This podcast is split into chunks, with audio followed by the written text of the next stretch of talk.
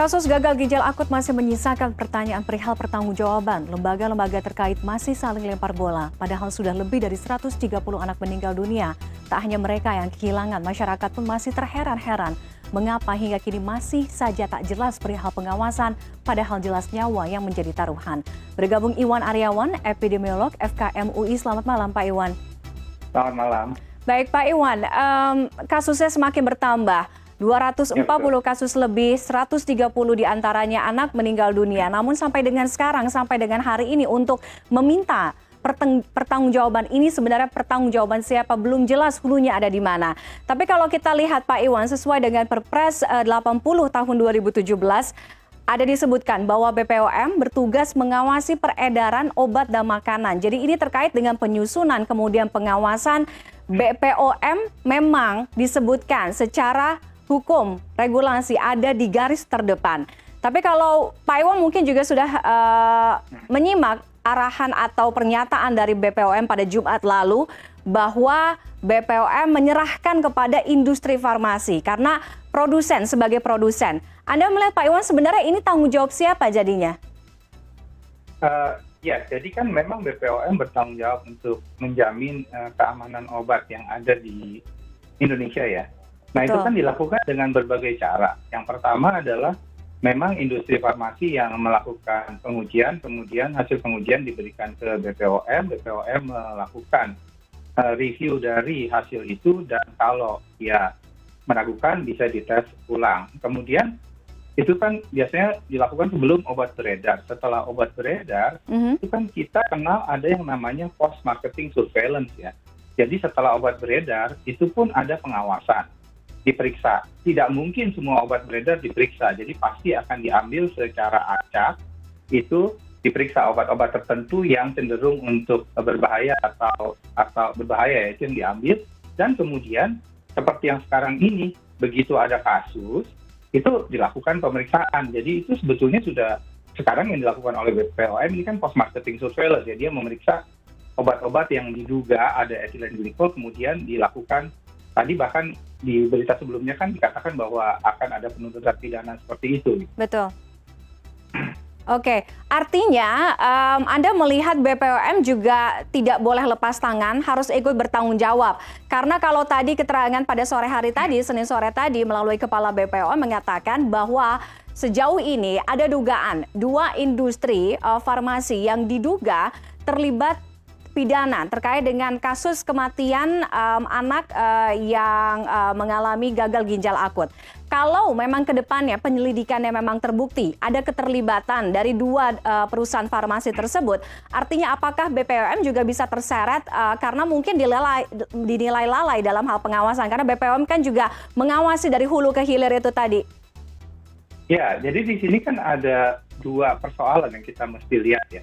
Sekarang kan diduga penyebab dari uh, gangguan ginjal akut karena penyebab atipik ini diduga kuat adalah karena pencemaran obat sirup uh, ethylene glycol dan diethylene glycol. Betul. Itu dugaan. Dan sekarang kan sedang dilakukan uh, penyelidikan epidemiologi, salah satunya dengan uh, penelitian kasus kontrol untuk melihat apakah betul memang uh, ini penyebabnya dan kemudian apakah penyebab tunggal atau sebetulnya ada interaksi. Artinya dia menjadi penyebab karena ada gabungan dengan obat lain atau dengan makanan lain atau dengan kondisi lain. Itu yang pertama yang dilakukan.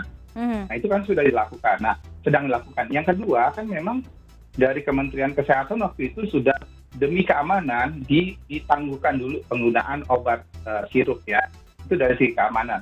BPOM juga bereaksi kan dengan memeriksa obat-obatan dan kemudian kalau ditemukan memang ada yang melanggar gitu, ada yang melanggar uh, kadarnya, ya itu uh, tanggung jawab BPOM. Apa yang dilakukan sebagai tanggung jawab? Saya rasa tadi dia menghentikan produksi, kemudian juga melakukan penuntutan pidana tadi. Hmm, Oke, okay. jadi artinya tanggung jawab ketika ada um, indikasi um, obat yang sudah beredar di pasaran kemudian mengandung senyawa berbahaya seperti yang saat ini kasusnya, artinya tanggung jawab semata tidak ad, tidak hanya ada di produsen farmasi saja, tapi juga ada di BPOM ya, Pak Iwan? Iya, salah satu yang okay. bisa dilakukan BPOM adalah menarik uh, izin obat tersebut kan. hmm. dan tadi uh, dan tadi kalau memang ada kesengajaan tadi kan di berita sepertinya ada ada kesengajaan bahwa uh, digunakan etilen glikol dan di etilen glikol yang seharusnya tidak boleh digunakan ya beda kalau dia pencemaran ya kalau pencemaran kan urusannya berbeda ini kan kalau digunakan dan tidak boleh digunakan itu kan yang tadi yang dijelaskan bahwa itu kan akan dilakukan penuntutan pidana oleh BPOM ya. Mm, Oke. Okay. Uh, eh, sebenarnya skemanya uh, semestinya itu seperti apa Pak Iwan ketika obat sudah diproduksi kemudian uh, dilempar beredar di pasaran dijual di pasar uh, dalam hal ini uh, BPOM mengawasi bagaimana uh, misalkan melakukan random sampling atau mungkin apa ada quality control atau ada post control uh, ketika obat itu sudah uh, terjual bebas atau bagaimana? Uh, Ya kalau kita mulai kan sebelum obat itu boleh beredar di Indonesia itu kan harus lewat persetujuan BPOM ya. Betul. Kan harus lewat penelitian. Yang namanya obat itu mesti terbukti efektif. Dan yang namanya efektif di, di, di dunia kedokteran itu harus ada buktinya, evidence base kita bilang ya. Harus terbukti, jadi nggak bisa dari testimoni-testimoni. Dan harus terbukti aman. Setelah itu kan obatnya uh, beredar. Tentunya kan diharapkan produsen itu memproduksi obat sesuai dengan apa obat yang waktu itu diajukan untuk untuk registrasi dalam uji kliniknya. Nah, setelah itu kan obat boleh beredar. Setelah obat beredar, itu kan kita kenal yang namanya tadi post marketing uh, surveillance atau uji klinik tahap 4. Di sini dilakukan pengawasan. Tentunya nggak bisa semua obat itu akan diperiksa. Kan banyak sekali obat beredar ya. Mm-hmm. Yang dilakukan adalah dua kan diperiksa secara uji petik, secara acak, obat-obat tertentu yang diduga ada pelanggaran atau diduga berbahaya, dan kemudian kalau ada kasus seperti sekarang ini, ada kasus peningkatan uh, gangguan ginjal akut, gitu ya, atau ada laporan dari masyarakat, itu yang dilakukan setelah obat uh, beredar. Gitu. Oke. Okay. Um, uh, tanggung jawab yang Anda lihat uh, yang harusnya dilakukan oleh BPOM um, dalam berhadapan dengan kasus ginjal akut ini uh, seperti apa Pak Iwan? Ya, kalau menurut saya yang perlu dilakukan adalah karena kan diduga kuat penyebabnya adanya uh, etilen glikol dan dietilen glikol di dalam obat ya. Mm-hmm. Yang perlu dilakukan oleh BPOM adalah yang pertama adalah uh, periksa kandungan etilen glikol dan dietilen glikol dari obat-obat yang dikonsumsi oleh anak-anak yang mengalami gagal ginjal akut ini. Jadi obatnya yang real itu, obatnya yang ada di rumah, jangan obat yang ada di di produsennya, meskipun di produsen misalnya dikatakan bednya sama, hmm. tapi kan beda antara obat di produsen dan obat yang di, di, digunakan Konsumsi. oleh anak hmm. tersebut. Kan obat itu sudah lewat rantai distribusi yang panjang yang bisa terjadi macam-macam kan. Jadi itu dulu yang perlu diperiksa, yang real di, dikonsumsi oleh anak itu. Nah itu diperiksa. Kemudian kalau itu memang ada masalah, ya ditindaklanjuti sesuai dengan peraturan dan hukum yang berlaku. Misalnya obat tersebut dinyatakan tidak boleh beredar, diumumkan ke masyarakat. Seperti itu menurut saya seharusnya.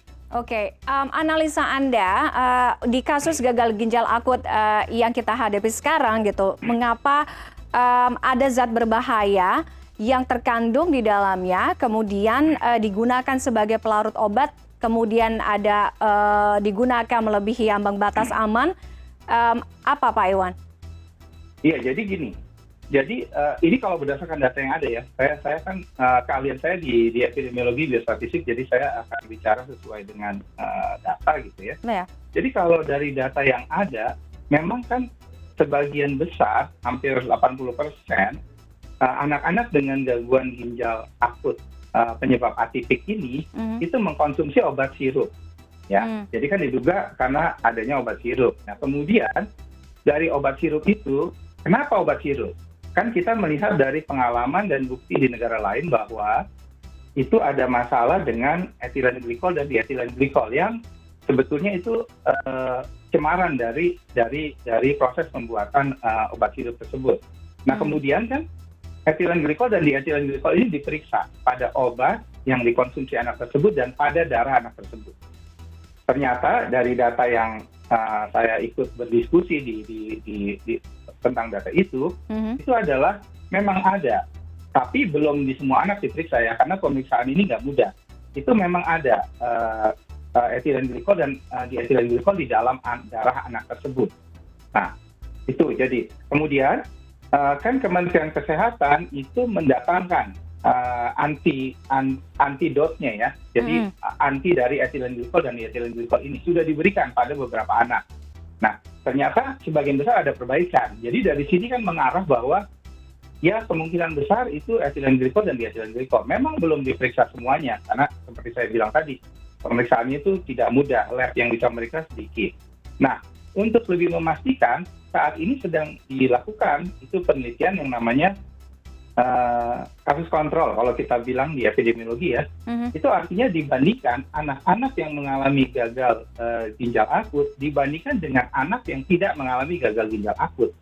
Kemudian dilihat apakah ada perbedaan obat yang mereka minum atau uh, makanan yang mereka makan. Untuk lebih memastikan bahwa ya inilah penyebabnya. Itu yang kita sedang lakukan dan itu diharapkan hasilnya bisa dalam uh, dua minggu ini bisa ada hasilnya sehingga kita bisa lebih pasti apa penyebabnya gitu. Baik, baik. Terima kasih Pak Iwan Aryawan sudah bergabung dengan uh, CNN Indonesia Connected malam hari ini. Terima kasih atas diskusinya, menarik sekali. Uh, Pak Iwan, selamat malam, sehat selalu.